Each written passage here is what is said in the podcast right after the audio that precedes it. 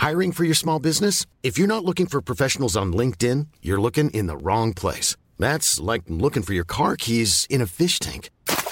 LinkedIn helps you hire professionals you can't find anywhere else, even those who aren't actively searching for a new job but might be open to the perfect role. In a given month, over 70% of LinkedIn users don't even visit other leading job sites. So start looking in the right place. With LinkedIn, you can hire professionals like a professional. Post your free job on linkedin.com slash spoken today.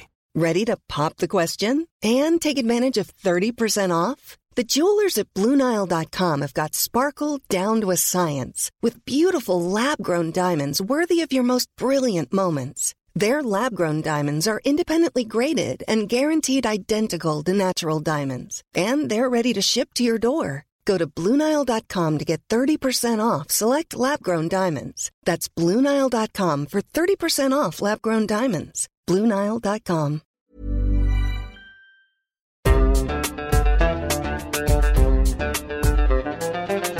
بودكاست صوت.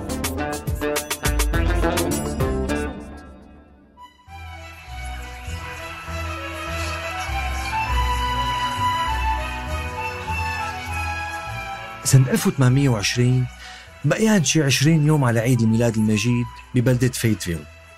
بيتوجه عمر بن سعيد اللي طبق الخمسين سنة لإحدى الكنائس البروتستانتية في البلدة الكنيسة المشيخية.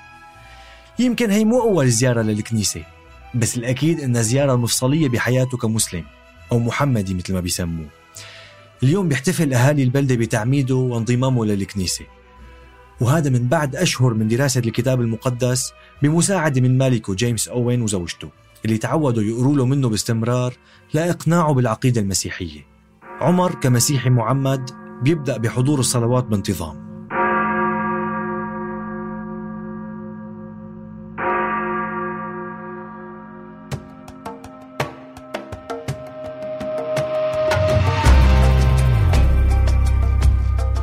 أهلين وسهلين ومرحبتين. أنا بشر النجار وفي أربع حلقات خاصة من بودكاست منبت. رح نحكي قصة عمر بن سعيد أو العمورو الأفريقي المسلم يلي قضى 56 سنة من عمره بالعبودية.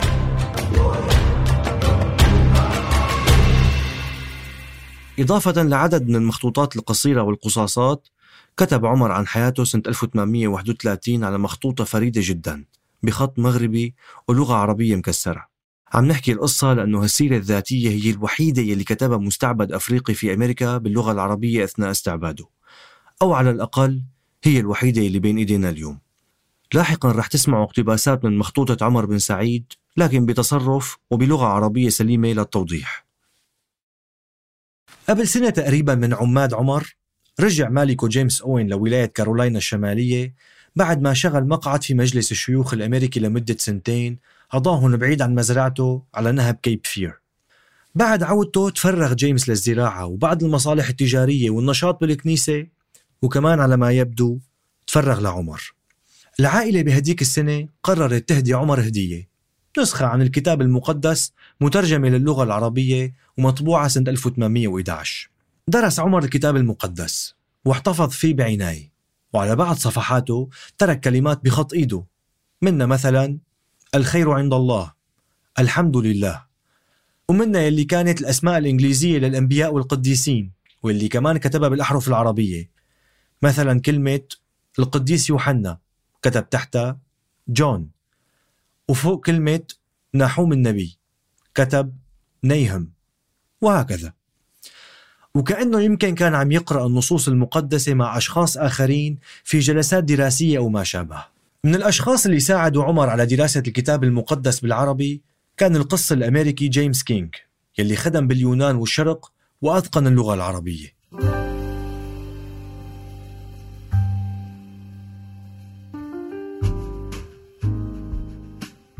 سنة بعد سنة عمر بن سعيد كان عم يجذب الانتباه أكثر. من ضمن اللي التفتوا لقصته أعضاء بجمعية كانت عم تستهدف الأفارقة المحررين من الاستعباد وعم يزيد نشاطها بأمريكا. اسمها جمعية الاستعمار الأمريكية American Colonization Society. تأسست سنة 1816 وكرست جهودها لإعادة السود المحررين لأفريقيا من بعد استعبادهم. ادعت الجمعية حرصها على رجوعهم ليأسسوا مستعمرات هنيك بالأراضي الأفريقية غير المتمدنة اللي رح ينشروا فيها المعرفة والحضارة. الرأي اللي تبنته الجمعية هو أنه مو ممكن دمج السود المحررين بالمجتمع الأبيض. وبناء عليه حصلت على دعم من جهات دينية ورسمية منها اللي موجود بكارولاينا الشمالية. بالظاهر كانوا أعضاء بيسعوا لإنهاء الاستعباد بس كتير من معارضي العبودية شافوا أنه لا. نية هالجمعية بالحقيقة هي إبعاد النخبة من السود الأحرار عن المشهد والإبقاء على نظام العبودية. بالحلقة الماضية كنا عم نحكي عن الرسالة الأولى يلي كتبها عمر سنة 1819 ويلي عبر فيها عن أمنيته بأنه يكون بأفريقيا. هاي الرسالة اللي وجهها عمر لجيمس أوين بيطلع عليها جون لويس تايلور رئيس المحكمة العليا بكارولاينا الشمالية وبدوره بيبعتها لفرانسيس سكوت كي واثنيناتهم أعضاء بارزين في جمعية الاستعمار الأمريكية. رئيس المحكمة تايلور بيطلب الحصول على ترجمة للرسالة لأنه جيمس ما فهم منها شيء. وبيقول أنه صاحب الرسالة بيسموه مورو. سمعته منيحة وبيقولوا عنه رجل نبيل وشديد الامتنان لسيده. بس إلى حد ما كان متخوف من أنه حقه بميراث عائلته تمت سرقته. ومو ناوي يرجع لبلده الأصلي. هيك بيقول تايلر حرفيا برسالته. جيمس أوين كمان قال أنه لاحظ تخوفات عمر. حتى عمر نفسه لاحقا كان كل ما تنجاب سيرة الرجعة يغير الموضوع. المهم بعد تايلور بيسأل برسالته عن إمكانية الحصول على نسخة عربية من الكتاب المقدس لإعطائها لعمر. لأنه شخص بقدراته العقلية مو ممكن يطلع على الكتاب المقدس بدون ما يدرك أصالته ومصدره الإلهي.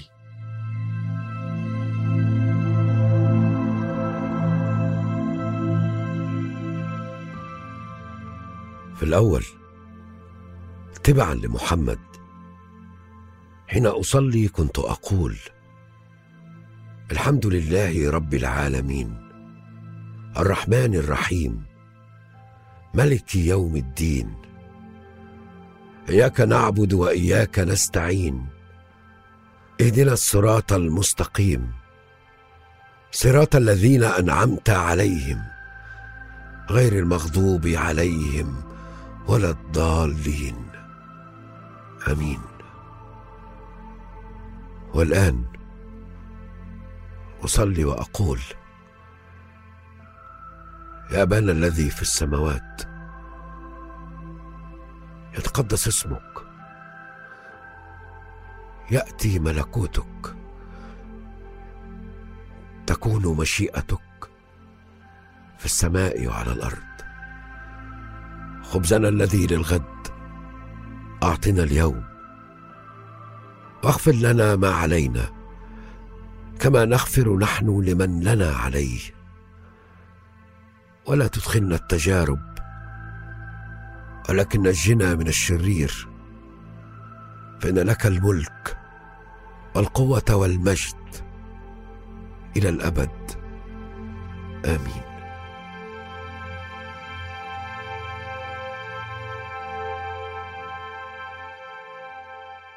الأفارقة المسلمين بشكل عام ما تنازلوا عن دينهم بسهولة أثناء الاستعباد. قراءتهم للإنجيل أو تعميدهم ما بيأكدوا حقيقة التخلي عن الإسلام. مع هيك بعضهم استفادوا من التحول الظاهري للمسيحية ليكسبوا مالكيهم ويضمنوا المعاملة الحسنة. بكل الأحوال عمر بن سعيد في سيرته بيقول بشكل واضح أنه جيمس ما بعمره ضربه ولا شتمه ولا جوعه ولا عرى ولا أجبره على العمل المرهق. إلى جانب تجربة عمر وثقت قصص لمسيحيين بيض ساعدوا المستعبدين المسلمين على الحفاظ على دينهم. وأبدوا لهم تقدير عالي. بس هالتقدير كان نابع أحيانا من إيمانهم بأنه الأفريقي المسلم المتعلم هو بالأصل عربي مو أفريقي أفريقي يعني. وهذا بيخدم الصورة يلي روجوها للأفريقي المتخلف يلي جلب لأمريكا حيث الحضارة والرقي. الأفريقي يلي مو ممكن يكون طليعي ومتحضر. ما بين تعميده وكتابته لسيرته ترك عمر مخطوطتين ولما نقول مخطوطة هون فهي ورقة واحدة عليها كتابات غالبا مو مفهوم سياقها أو السبب اللي خلاه يكتبها. بسنوات العشرينات من القرن 19 يعني بعد 1820 ترك ورقة واحدة مكتوب في مقدمتها وهكذا تصلون أنتم. وهي كلمات السيد المسيح في إنجيل متى. من بعدها بيكتب الصلاة الربانية يلي بتبدأ بيا أبانا الذي في السماوات. بمخطوطة تانية كمان مكونة من صفحة واحدة بيكتب فيها بس أسماء أفراد عائلة أوين. جيمس أوين بيتسي أوين توماس أوين إليزا أوين. على طول عمر كان بيترك أثر إيجابي عند يلي بيلتقوا فيه. عن شخصيته بيقولوا كان رزين ومهذب بيسمع وبيسأل أكثر مما بيحكي. وعن هيئته وهو بالخمسينات من عمره بيقولوا كان متوسط الحجم إيديه ورجليه صغار أصابعه مدببة قامته دايما منتصبة ومشيته هادية. أحد رجال الدين اللي التقوا عمر بهديك الفترة اسمه ويليام سوان بلومر كان أستاذ في علم اللاهوت وبمذكراته بيبدي إعجابه بشخصية عمر. بيقول إنه بخريف سنة 1826 زار كارولاينا الشمالية لتقديم العظات بإحدى الكنائس المشيخية. أثناء زيارته بينما كان بمكان إقامته بيدخل عليه عمر الرجل الأفريقي الجليل. بيقوم بلمر ليستقبله فبيمسك عمر بإيده وبيحط كفه الثانية عليها وبيشد وبيضم إيد بلمر لقلبه. رغم إنه لقاء كان قصير بيأكد لنا إنه ترك عنده انطباعات عميقة جدا عن قيمة عمر وأخلاقه المسيحية حسب تعبيره. بعد كم سنة وبطلب من شخص بسميه عمر شيخ حنتا أو هانتر بيكتب قصته في مخطوطته الاهم اللي لولاها كان بيبقى عمر بن سعيد اسم منسي بين مئات الآلاف من المستعبدين الأفارقة.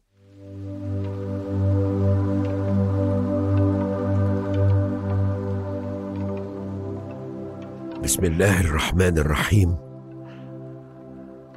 الحمد لله ذي الإحسان من قديم والجود والمن والإجلال والكرم. الحمد لله الذي خلق الخلق لعبادته حتى يجرب أفعالهم وأقوالهم. من عمر إلى شيخ حنته سألتني أن أكتب حياتي. أنني لا أستطيع.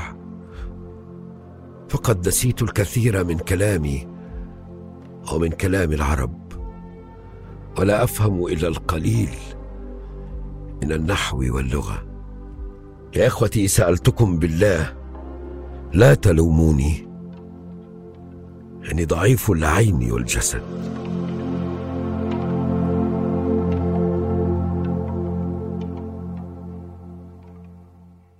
للمفارقة بعد عشر سنوات من تعميده بيستهل عمر سيرته بالبسملة والصلاة على النبي محمد وسورة الملك. اللي بتقول أول آية فيها تبارك الذي بيده الملك وهو على كل شيء قدير. يمكن اختياره لهي السورة كان عشوائي أو حاول يذكر من خلالها بأنه الملك لله فقط وما في إنسان بالحقيقة بيقدر يملك إنسان آخر. على الأغلب لأنه السيرة كانت باللغة العربية ما حدا تدخل بمحتواها. على عكس كتير شهادات وسير كتبها مستعبدين سود وخضعت لرقابة المحرر الأبيض يلي بدوره قصقص منها مثل ما بده وتلاعب بمحتواها. رغم أنه هوية الشيخ حنتا أو هانتر المذكورة بمقدمة مخطوطة عمر بقيت مجهولة والدافع وراء كتابة المخطوطة كمان مو أكيد إلا أن بعد سنوات قليلة لاقت طريقة لشخص مشهور بمناهضته للاستعباد اسمه ثيودور دوايت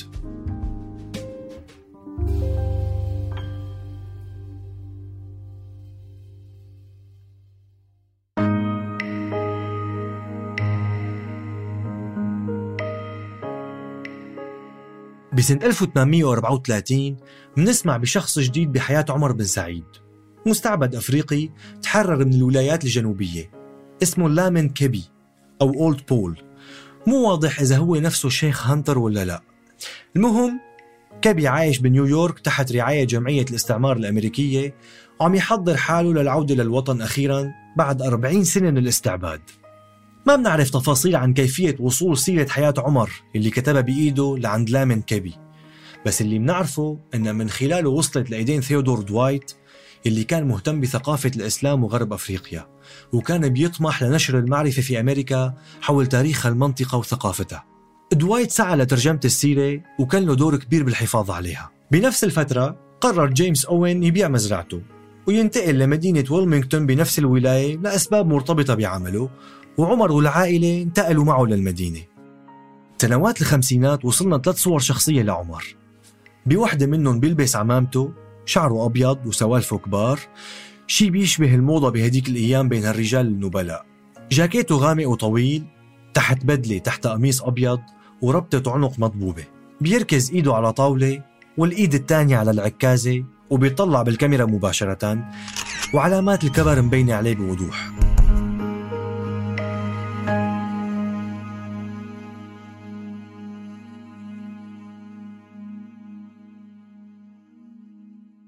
الانتقال من مزرعة ميلتون لويلمينغتون كانت نقلة بحياة عمر.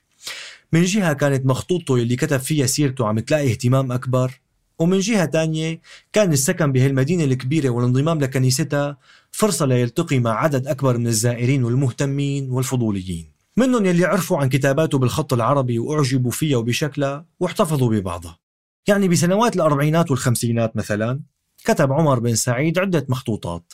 يلي كانت غالبا آيات قرآنية أو صلوات مسيحية أو أي عبارات دينية كان بيحفظها.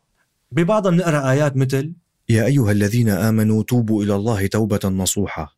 وآيات تانية من سورة قريش والهمزة. نرجع بنقرأ آيات من مزامير داود بالعهد القديم بيقول فيها رحمتك وطيبك يدركني كل أيام حياتي وأسكن في بيت الرب طول الأيام. أليلويا.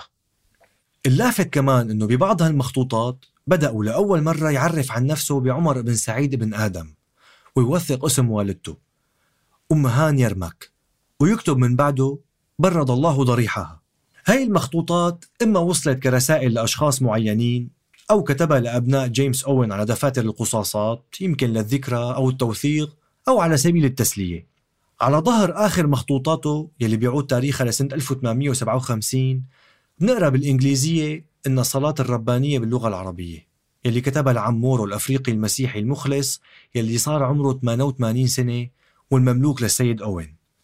بالمقابل على وجه الورقة ما بنقرأ آيات من الكتاب المقدس وإنما آيات من القرآن من سورة النصر والصف يلي يبدو دمجها مع بعضها بالغلط نتيجة ضعف الذاكرة.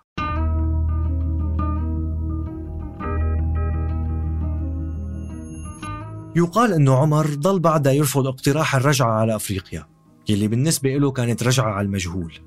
لغته الإنجليزية بقيت ضعيفة لفترة طويلة ومو معروف إذا بقي محافظ على لغته الفلانية السائدة بموطنه.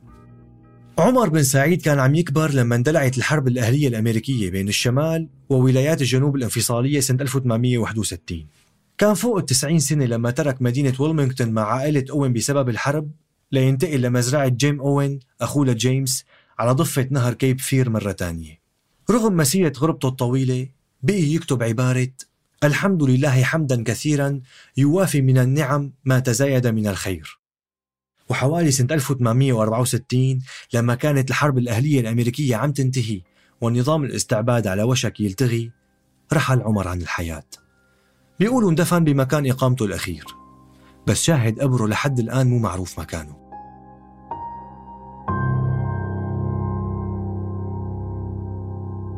Omar was captured around uh, 1807. This was a, a result of a battle that took place.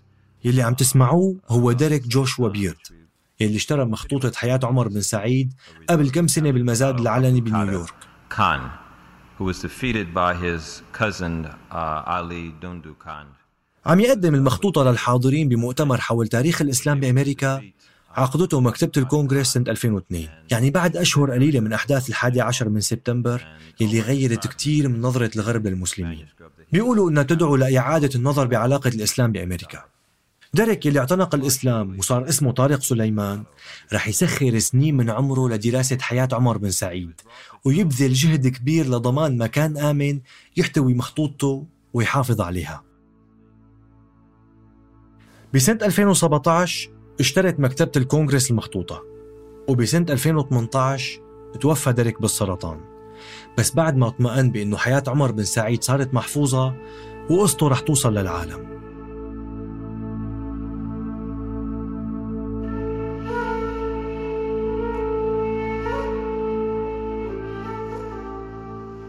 هذا بودكاست منبت بموسمه الخاص عن عمر بن سعيد.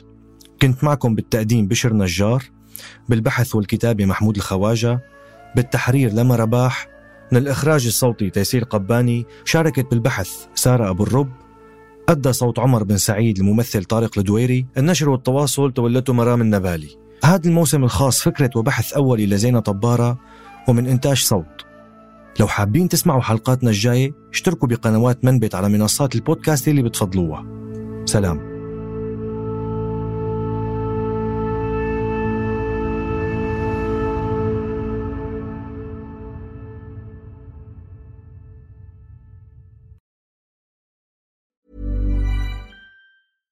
Hello, this is Danny Pellegrino, host of the Everything Iconic podcast, and I'm here to tell you all about Splash Refresher because hydration is mandatory, but boring is not.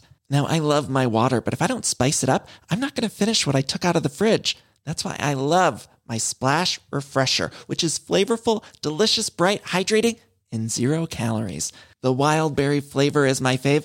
No, wait, is the pineapple mango flavor my fave? You know what? All five craveable splash refresher flavors are my fave because they're so delicious. So get hydrated and enjoy it with Splash Refresher. ACAST powers the world's best podcasts. Here's a show that we recommend. The Real Housewives is a guilty pleasure for most, but if you're looking to not feel guilty about that pleasure, tune in to Everything Iconic with me, Danny Pellegrino, where I break down all the messy moments and behind the scenes antics of Bravo's popular franchise. And on Everything Iconic, I also interview celebrity guests like Kelly Ripa, Kiki Palmer, Drew Barrymore, Cameron Diaz, and more about their guilty pleasures, their past work, and so much more. So if you're pop culture obsessed and find yourself watching way too much reality TV like me, tune in to Everything Iconic with Danny Pellegrino wherever you listen to podcasts. ACAST helps creators launch, grow, and monetize their podcasts everywhere. ACAST.com.